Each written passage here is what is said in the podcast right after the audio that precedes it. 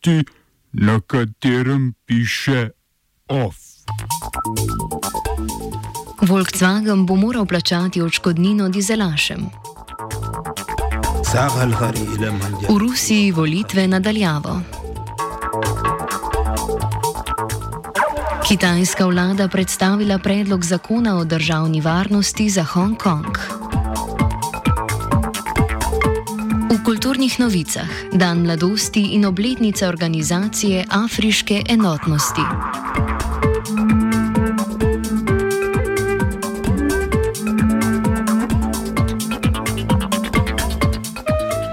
Kitajska vlada je predstavila reformo zakona za zagotavljanje državne varnosti v Hongkongu, ki bi potencialno precej posegel v njegov posebni avtonomni status. Poseben zakon med kazniva dejanja uvršča izdajo, politični prevrat, ustajo proti vladi in pa osamosvojitev. Prav tako bi lahko ljudem aretiranim v Hongkongu sodili na celini.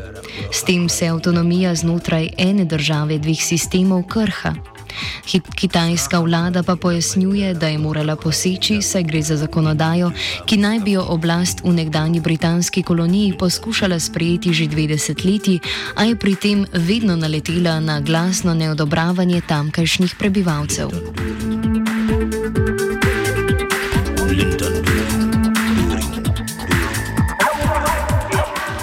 Potem, ko je tako imenovana vlada narodne enotnosti v Libiji, ki jo priznavajo tudi Združeni narodi, zauzela območje v okolici Tripolija, ki so bila predtem pod nadzorom libijske ljudske armade, je njen general Kalifa Haftar doživel še en poraz. Ruski plačanci, ki so Haftarju in njegovim silam pomagali pri zauzemanju države, naj bi se skupaj s svojim orožjem in vozili umaknili v oddaljeno osvojeno mesto Džufra. Njihovo prisotnost in udeležbo v kakršnem koli konfliktu LNA seveda zanika. Libija je brez enotne vlade že približno devet let, vmes so bila le tri premirja. Konflikt med vzhodom in zahodom pa se je spremenil v posredno vojno. Haftarja podpirajo Rusija, Egipt in Združeni arabski emirati, občasno pa se pojavi tudi kak sudanski plačanec, medtem ko vlado narodne enotnosti najmočneje podpira Turčija, ki jo oborožuje tako s tehničnimi kot ljudskimi silami.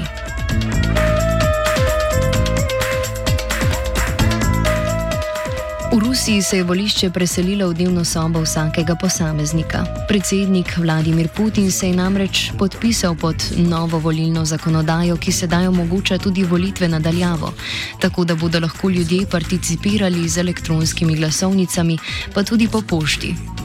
Sprememba velja tako za lokalne in državne volitve, kot tudi za referendume. Prvi na sporedu bo tisti z ustavnega področja, ki bi moral potekati že aprila, a je zaradi pandemije predstavljen za nedoločen čas. Ali bodo lahko volili tudi prek spleta iz libijske poščave, še ni jasno.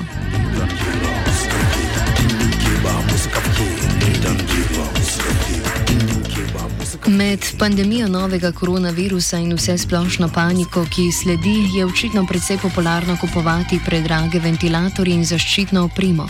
V Sloveniji posledic za takšno dejanje bolj kot ne ni, a ista zgodba se ne piše v Boliviji. Ministr za zdravje Marcelo Navahas je bil aretiran zaradi suma nakupa predrage opreme. Samo oklicana začasna predsednica vlade Žanin Anis pa ga je skupaj še, dvema, še z dvema zaposlenima na ministrstvu odstavila.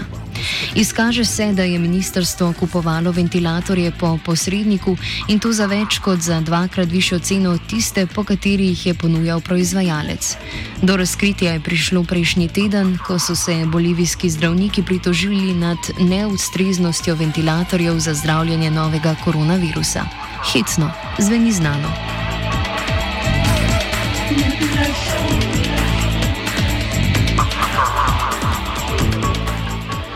Venezuela se je znašla v manjši zagati, zmanjkalo ji je benzina. Sicer je ena izmed tistih držav, ki se nahajajo nad obsežnimi naftnimi polji, a je bila zaradi težav v rafinerijah, ki trpijo posledice ameriških sankcij, prisiljena v uvoz, saj država sama zmožna kriti le okoli 15 odstotkov porabe. Kdo bo torej priskočil na pomoč? Združene države Amerike so prestrašile večino držav, ostal je le še Iran, katerega prvi tanker je že prispel do južnoameriških obal. Iranu je namreč prav malo mar, če bo svojimi dejanji razjezil ZDA.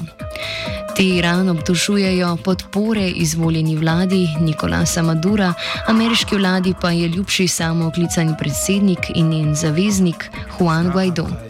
To je le prvi od petih tankerjev, ki jih je Iran poslal na pot.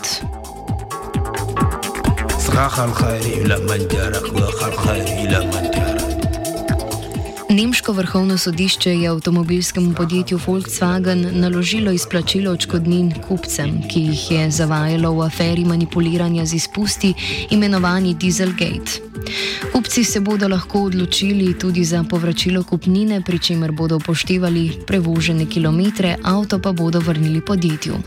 Leta 2015 je prišlo v javnost razkritje, da je Volkswagen manipuliral s testi izpušnih plinov, zato da bi zadostil okoljskim standardom. V tožbo se je preko nemške družbe Financial Right leta 2018 6024 oškodovanimi kupci in zahtevo po povračilu kupnine podala tudi Zveza potrošnikov Slovenije. Do sedaj je Volkswagen izplačal že več kot 31 milijard evrov očkodnin. Oba, če, če bom odgovoril na angliški.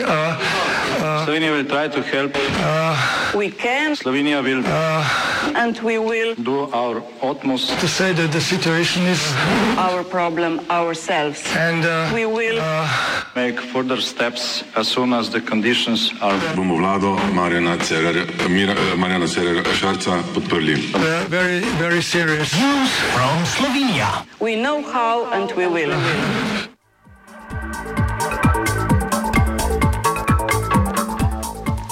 Konfederacija sindikatov Slovenije je ponovno opozorila na domnevno neustavno ravnanje tovarne olja Geja v slovenski bistrici.